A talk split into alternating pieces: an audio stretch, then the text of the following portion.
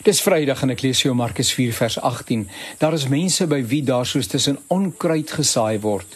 Dit is hulle wat die woord hoor, maar die sorges van die lewe en die verleiding van rykdom en begeertes na allerlei ander dinge kom op en verstip die woord en dit bly sonder vrug. In die opskrif is pas op vir jou eie refleksie.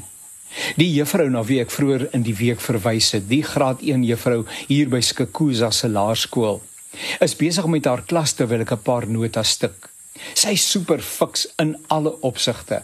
Haar werk vra fisiese, emosionele en intellektuele insette, maar sy gee dit gewilliglik.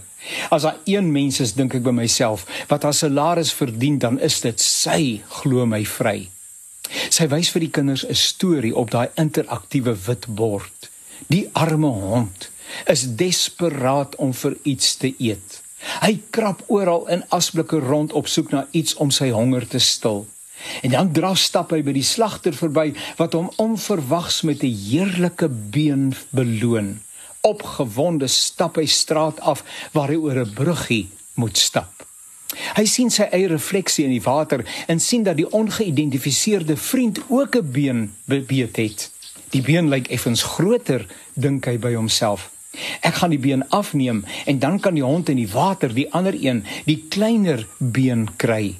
Met die losslag val die been wat in sy mond was in die water en die hondevriend in die water sit eweneens sonder enige verversings. Skielik besef die verleë hond dat hy sy eie refleksie in die water gesien het en dat sy selfsug en afkoms hom sy ete gekos het. Is dit nie eweneens op ons van toepassing nie? Hebsug en jaloesie en afguns en die dinge van die wêreld kan ons duur te staan kom.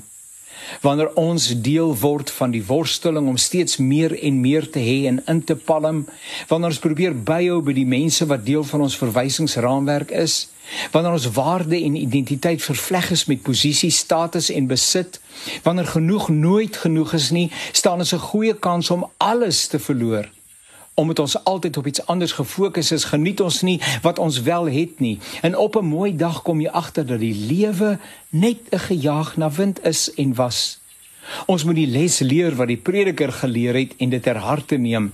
Aardse skat het 'n manier om te leer te stel. Dit is verganklik en relatief onbelangrik. Jy kan net een hemp op 'n slag dra. Jy kan net op een bed slaap. Jy kan net soveel eet voordat jy versadig is. Jy kan net in een motor op 'n slag ry en net een grasmasjien op 'n slag oor jou groen grasperk stoot.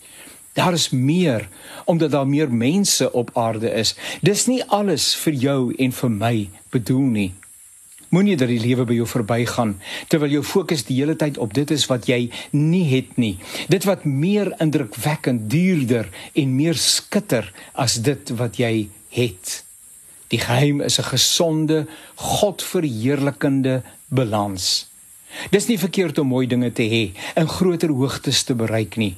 As dit egter voortdurend jou fokus is, mag jy baie teleurgesteld wees.